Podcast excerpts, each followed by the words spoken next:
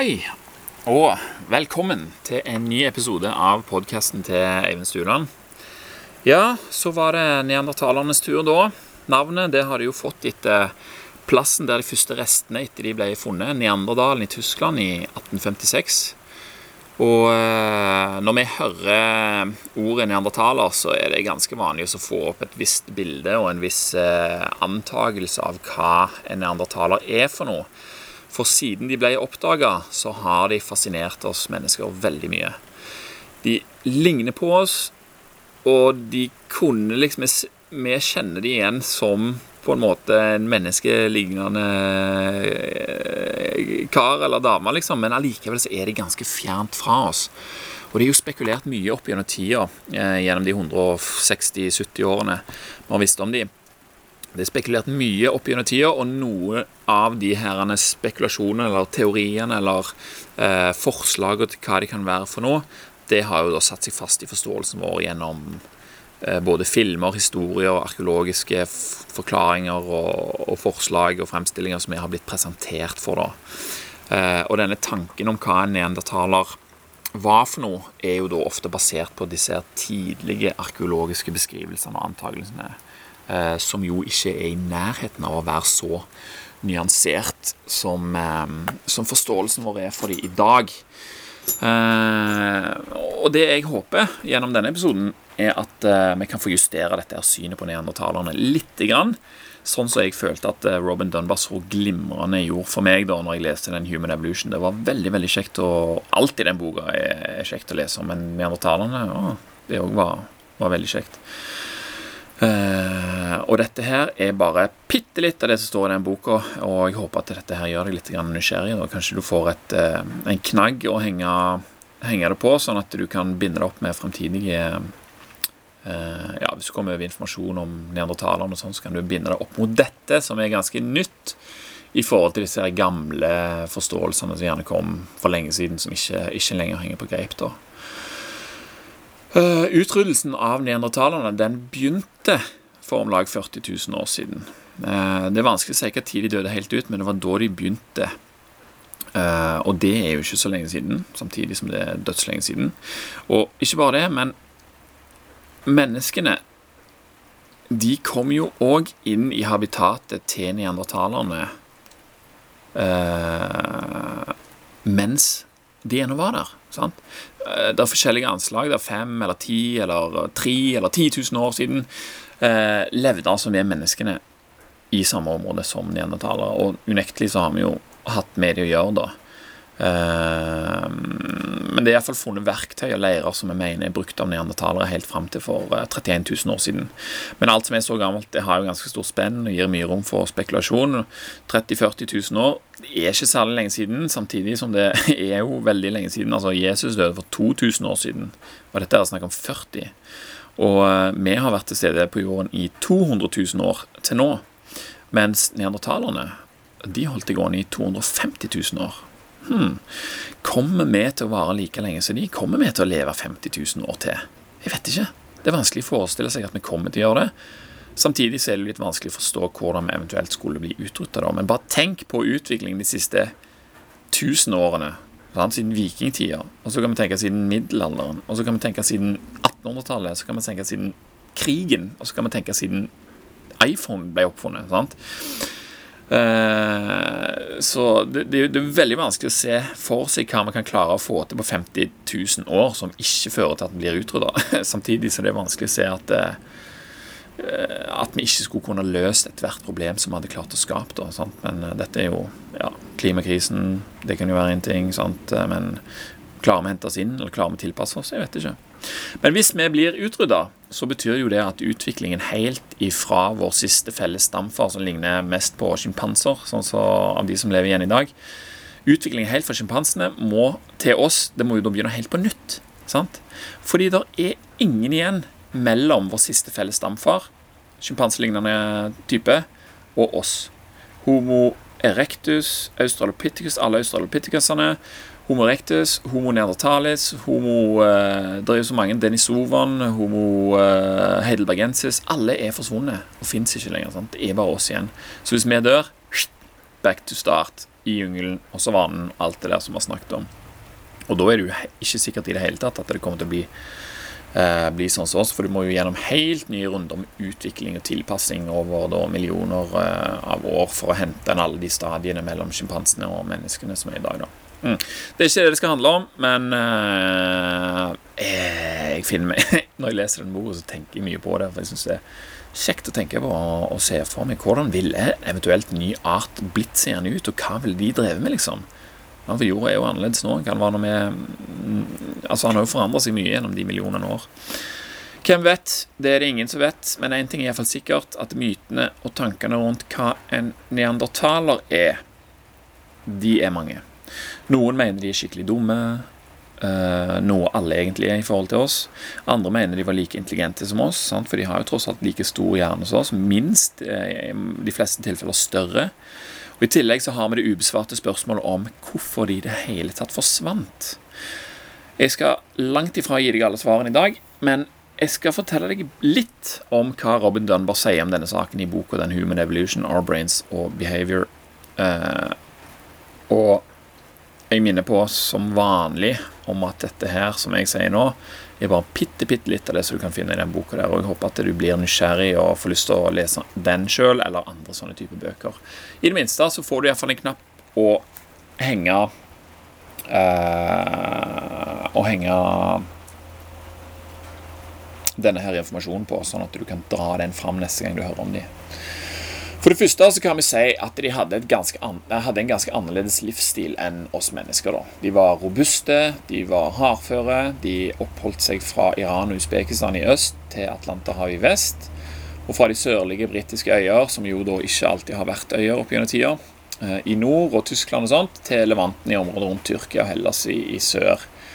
Eh, og de sier jo, Det er jo sånn to store utvandringer for Afrika, og de sier den ene gangen så prøvde liksom ble det ikke til at de tok venstre der opp gjennom Tyrkia og sånn, fordi at der var det allerede ganske dominerende eh, befolkning som befant seg, som da var neandertalerne. Så kom de ikke inn der før mye seinere igjen.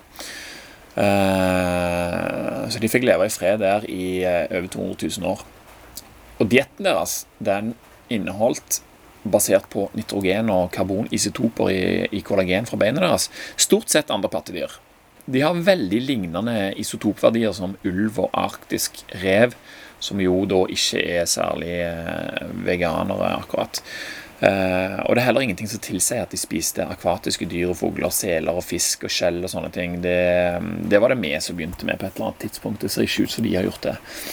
Uh, og med tanke på hvordan de skaffet denne maten, så tilsier funn fra Levanten at de brukte helt annerledes verktøy enn det vi hadde. De hadde tunge spyd med triangulære spisser av stein. Og disse var nok for tunge til å kaste, og ble eh, heller mest sannsynlig brukt i typiske sånn bakholdsjaktopplegg eh, eh, der eh, noen kanskje ble jagt inn i ei kløft der de andre venta, og så brukte de disse spydene til å stikke de dyrene fysisk mens de ennå holdt i det. da. Helt i motsetning til, til hvordan vi mennesker uh, Vi, vi, vi utvikla jo uh, veldig senete muskler uh, som kunne utnytte potensiell energi Hva heter det? Ikke potensiell. Og det er kanskje det. Vi lader oss sjøl med energi, og så kan man bruke det som en mer sånn strikkaktig ting. Som, vi kunne jo kaste steiner og kaste spyd og sånne ting. Det kunne ikke disse her. De hadde mye kortere armer enn oss. Eh, mye sterkere armer. Og, og, mye kraftigere og sterkere overkropper. Eh, så de var jo totalt mye mye sterkere enn oss og tålte òg mer enn oss. Mest sannsynlig. De hadde tjukkere bein og sånn. Eh, vi mennesker er jo kjent for å være egentlig ganske sped i, i denne sammenhengen her. Eh, så de, eh, de, de, gjorde det da de stakk liksom eh, mer enn hva de kasta, sånn som jeg gjør. Og, og de brukte også, utnytta forskjellige ressurser også etter hvor de befant seg, noe som sier oss at de var i stand til å tilpasse jaktteknikker etter behov. da. Beinfunn fra tidlige neandertalerleirer i Kroatia f.eks. rundt 130 000 år siden de er mye, der, der er det mye unge dyr. Sant? De finner mye bein og sånt. Neshorn, unger og andre små dyr som nok kunne slepes hele til leiren.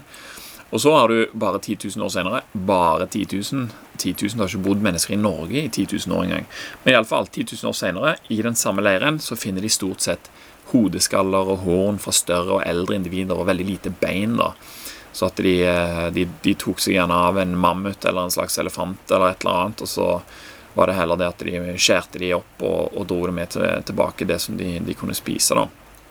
Mens andre plasser igjen så konsentrerte de seg stort sett om større dyr hele tida. Og et av de nordligste områdene vi vet om, eh, at de oppholdt seg, der var det nesten utelukkende reinsdyr de gikk i, sånn oppe i Tyskland der og sånt. Isen var jo mye lenger nede vet du, på denne tida. Ja, jeg vet ikke hvordan det det er jo snakk om 250 000 år her, så det gikk sikkert litt opp og ned. Men uh, i alle fall mye, mye reinsdyr der oppe. Og så var det òg mye hjort og hare i dietten deres fra områder uh, rundt Spania og, og, de plassene der. Så allsidige jegere, med andre ord. Og de var òg i god stand til å samarbeide. Uh, siden det å ta ned en mammut det er ikke så enkelt å gjøre alene, spesielt med et spyd som du ikke kan kaste.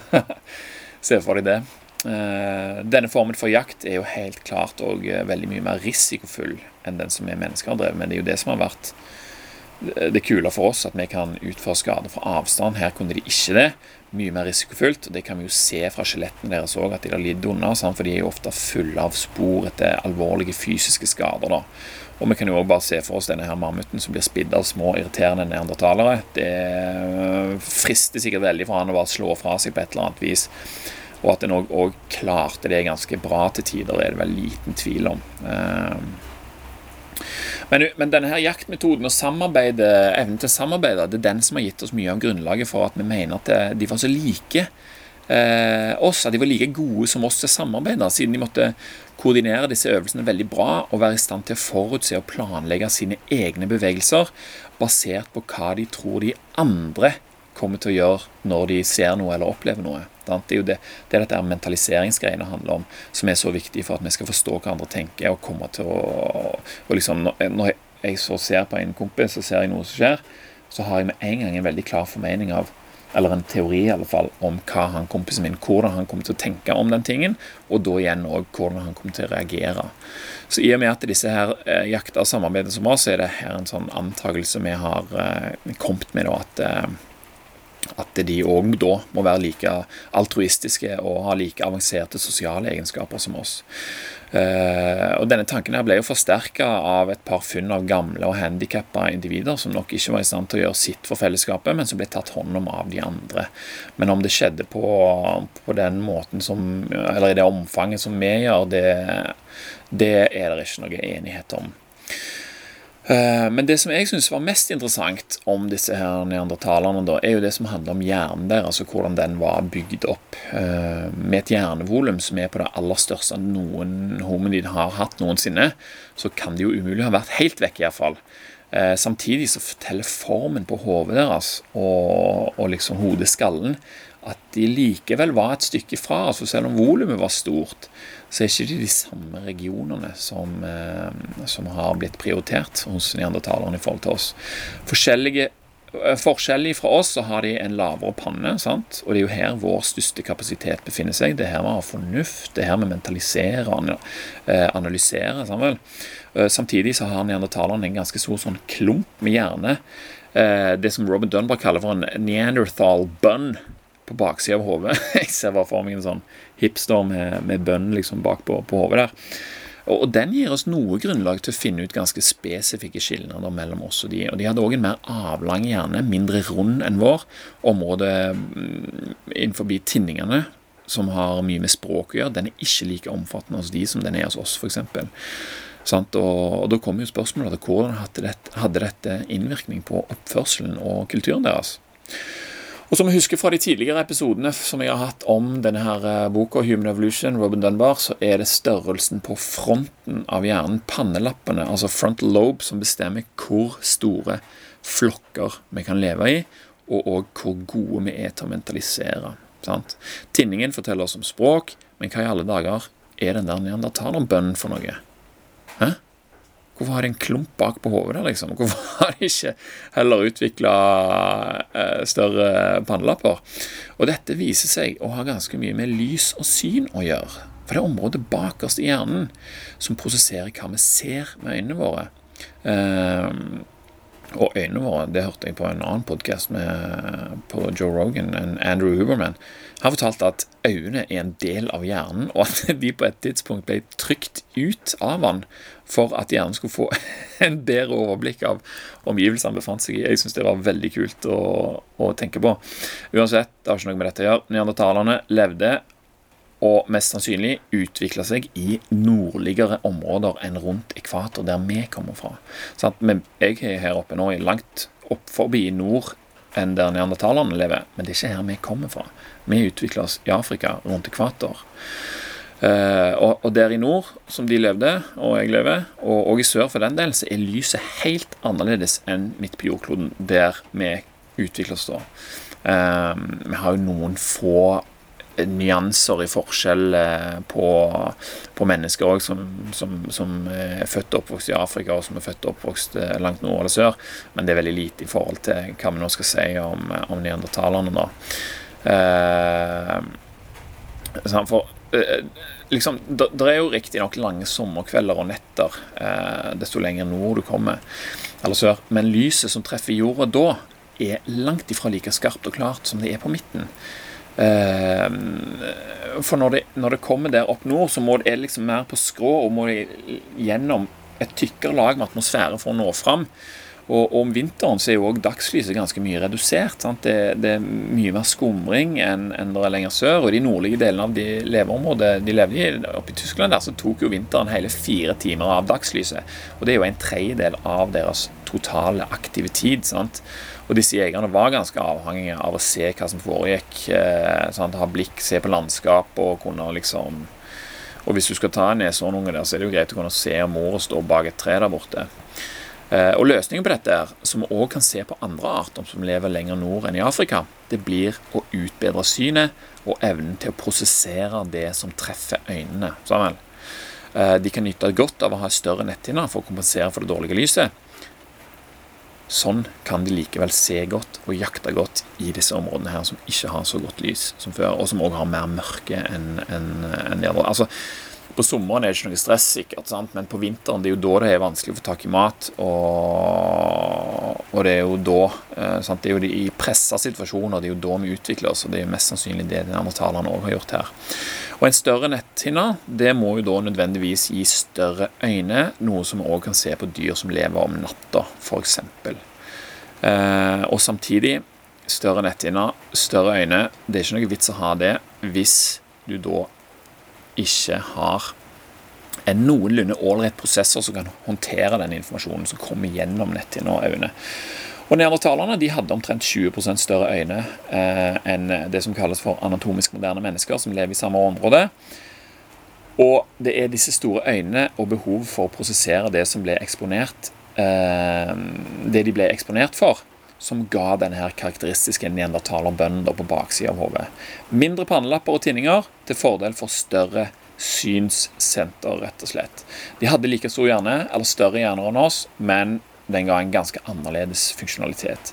Og jeg tenker ofte åh, fy søren, jeg hadde hatt så jækla lyst og prøvd og hatt 20% større øyne og neandertalerbønn bakpå her, bare for å se hvor, hvor godt de så, iallfall på vinteren. og sånn. Jeg kunne bare kaste hodelykter og alt. det bare gått ut og sett som bare juling. Det, det, det hadde jeg sett for meg. Det hadde vært veldig kult.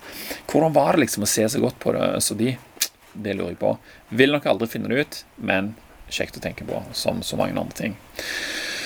Men siden vi da vet dette her, at ok, synsenteret det er det som var stort, da kan vi dele det av ifra dette her regnestykket. Så kan vi justere hjernevolumet, isolere pannelappene og synsenteret. sant? Eh, og, og tinningen av dette her. Og da kan vi finne ut at de nok levde i vesentlig mindre grupper enn oss mennesker. Vårt Dunbar number det er jo 150 individer ca., pluss-minus. 155, 160, 140. For neandertalere så er dette tallet rundt 110. Sant? Nesten en tredjedel mindre enn oss. Og de utvikler altså synet framfor den krevende mentale øvelsen det er å leve i et større samfunn. Uh, skal vi se, hva var det jeg skulle si Ja, glem det. Og dette gjør at de ikke har det samme behovet for sosial grooming som vi har, men samtidig så måtte de allikevel få til noe som kompenserte for dette stresset som det er å leve i lag. da. Eh, de må, de må, finne en måte å groome på som er mer effektivt enn å plukke lus. Vi har jo snakka om latter tidligere, sant? det syns jeg er kjempegøy. Men det er bare én av de mange metodene å effektivisere dette på. Det finnes mange flere. Og Den britiske arkeologen Stephen Mithen han har skrevet mye om den, det han kaller for den syngende neandertaleren. da. Sang og musikk har mye den samme karakteristikken og effekten som latter har. Og det handler om å i bunn og grunn. Kontrollere pusten, som er ganske hardt arbeid for innsiden av brystet. Når jeg sitter og snakker og sånt nå, så beveger det seg jo hele tiden. Bryst, brystmuskulaturen og mellomgulvet og alt dette her. Og det er òg det som kan gi en effektiv endorfinfrigjøring. da. Nynning og humming det krever liksom frasering, timing og synkronisering hvis du skal gjøre det med andre folk. Eh, og artikulasjon, noe som gir denne her ultimate overgangen til utvikling eh, fra latter til språk. da, Latter, sant? Veldig sånn. Men når du da prøver å kontrollere dette her med liksom, Du hører at en annen hummer, og så mm, å, jeg må prøve å finne hva rytme den har. Ok, han har den rytmen, så hiver du deg på, på en måte. Den viser seg å være veldig viktig. Og det fins en apekatt i dag som kalles for Gelada-apekatten. Og det er en av de få individene vi kan se som bruker denne typen sosial kommunikasjon for å groome seg opp til noen av de eh, største sosiale flokkene vi ser at aper kan leve i i dag. De roper, og de synger i anførselstegn på en måte som tilsier at de ikke roper Altså når jeg roper og noen roper tilbake så er det en helt annen ting enn hvis jeg begynner å lage en lyd, og så hiver de andre seg på i samme takten. Samuel. Da blir du nødt for å kunne time og synkronisere egne rop og lyder med det de forventer at de andre skal ha. Sammen, I motsetning til de som bare skriker og svarer. Det er frem og tilbake, mer som luseplukking i forhold. Uh, I forhold til denne her synkroniseringen som er til stede i latter og sang og, og liksom uh, Og denne her rytmegreia. Og dermed har vi en art, geladan, som kan groome fra avstand og som òg kan groome mens de leter etter mat eller gjør andre ting. Sant? Mye mer effektivt. Og det samme kan, eh, kan vi gjøre. Og det samme så jeg jo da selvfølgelig i en dokumentar om de pygmeene. Altså, Pygmeene de, de, kan leve i byer og være mennesker akkurat sånn som vi er, men når du ser dem i skogen, så syns jeg det er så mye kjekkere. og og, og, kjenne igjen disse her tingene. For de har jo disse, disse funksjonene med seg ennå. Det er jo vi som lever i evolutionary mismatch, som ikke, mm, som ikke har disse funksjonene lenger på samme måte. Sant? Jeg så jo pygmeene som eh, skulle gå og fange fisk i elva, og så plutselig så begynner de å plaske og tromme og synge i elva mens de fanger fisk. Og de er så glad! De råkoser seg. Eh, og det skal vi komme innom eh, grunnen til. Det er denne sangaktige ropingen hos geladeren som trigger frigjøring av endorfiner, som gir oss denne veldig gode pekepinnen på hvordan dette utvikler seg, og at der vi også kan ta utgangspunkt i at neandertalerne nok hadde på plass en langt mer effektiv versjon av denne typen grooming enn det geladeren har nå, men som også er et godt stykke fra den vi mennesker har. Men det at vi kan se geladeren gjøre det, det kan, det kan, få oss liksom til å skjønne hvordan dette her henger sammen. De har kommet så langt i utviklingen. Hvis vi hadde, kanskje det er Geladan, hvis vi er mennesker dør ut, så er det kanskje utviklingen til Geladan som vil, eh, vil nå lengst på, på to-tre millioner år, for alt vi vet. Men så har du en ting som er mye, mye mer effektivt enn noe annet. Rytme som samkjøres med andre ser ut til å gi en enorm endorfinfrigjøring. Uh, og dette her ble testa i et eksperiment med noen som ror på en romaskin. Roere som ror alene, de øker endorfinnivåene sine, sine, de, akkurat som du gjør når du er på trening. Sant? Du puster rytmisk, og du springer, og det, og det er liksom uh, motivasjon, endorfiner, dopamin, alt det der kommer. Alle som trener, får det. Men når da den samme roeren ble bedt om å ro på den samme romaskinen, men på skjermen sin så var han i en virtuell båt med flere andre roere, der han måtte holde rytmen til de andre, så økte endorfinproduksjonen med over det dobbelte uten at han rodde noe hardere eller eh, jobba noe mer. Samuel. Så det er jækla kult. Og, og rett etter jeg hadde skrevet dette her i morges, så skulle vi spise frokost, jeg var på jobb. Og så reiser jeg meg opp og sier Liksom bare sånn Da hadde vi sittet i ro en time. Det, det er jo bare sånn du gjør av og til. Og så ser jeg en til, reiser seg opp Liksom. Og så var det god stemning. Og da, på en måte samkjørte vi oss, og mest sannsynlig så frigjorde vi noen endorfiner, og vi ble glad, og så satt vi oss og spiste, liksom, og jeg fortalte dette her, og så grooma vi, og liksom det var gode, eh, gode greier. Så sang, musikk og rytme og det å følge rytmen har altså en vanvittig evne til å samkjøre individer. Det er en enorm eh, grooming-effekt i det. Og det kan òg da brukes til å groome en mye større gruppe mer effektivt. Mye mer effektivt enn en latter òg. Eh, bare tenk deg eh, om vi sitter og synger rundt bål, f.eks., som er en veldig stor del av det vi mennesker har gjort opp gjennom tidene. Um, og det er òg dette som har gjort at neandertalerne har kommet i stand til å uh, klare å, å, befinne seg i, i grupper som er da over Altså de er 110 ca. Men det var lenge, i mange mange hundre tusen år, at liksom 75 individer Nei, 75 individer, det var det høyeste, høyeste som kom. Det var sånn typisk homo rectus og sånne ting.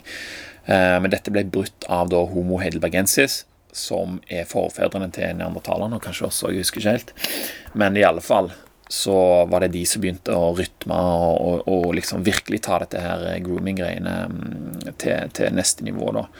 Eh, og som òg gjorde da endringer som til slutt resulterte i oss, og at alle de andre forsvant. Og sant, altså De kunne synge og holde rytmen, og alt sånt som det, men enda mer effektivt i det igjen er jo vår evne til å fortelle historier og sagn og, som gjør oss i stand til å videreføre erfaringer fra ett individ til et annet, og òg over mange generasjoner uten at vi trenger å oppleve de samme, tingene sjøl. Det, det, er jo liksom den ultimate Eh, grooming og uh, læringsopplegget. Vi, vi, trenger ikke egen erfaring alltid. Kan, mm, det holder for oss å se for oss det. Og det er sånn som vi kan klare. Eller det denne biten neandertalerne ser ut til å mangle i forhold til oss. Dette med historiefortelling, språk og, og sånne ting. Eh, fordi at de har mindre panne. De har mindre frontal lobe, mindre pannelapper. Og den Størrelsen på de pannelappene den tilsier at de kun kan mentalisere til rett opp under fjerde grad i gjennomsnitt. Og vi trenger femte grad for å kunne fortelle og forholde oss til disse fortellingene, kunne skjønne hvem det handler om, kunne danne religioner og historier som har mye å si for hvordan vi opplever, oss, eh, opplever, eller, ja, hvordan vi opplever verden, og hva kultur vi befinner oss i. Og det er jo det som er en så stor del av hva vi er, eh, og som vi òg tar veldig for gitt, og det er veldig vanskelig for oss å se for oss at det, det ikke går an. Og det var jo det som skjedde når vi fant neandertalerne òg. De er helt like oss! Og de er sikkert eh, sant? De har sikkert en helt sånn kultur og bla, bla, hvordan var dette her og sånn. Men det viste seg den var faktisk ganske mye mindre eh, eller mer primitiv enn det vi har.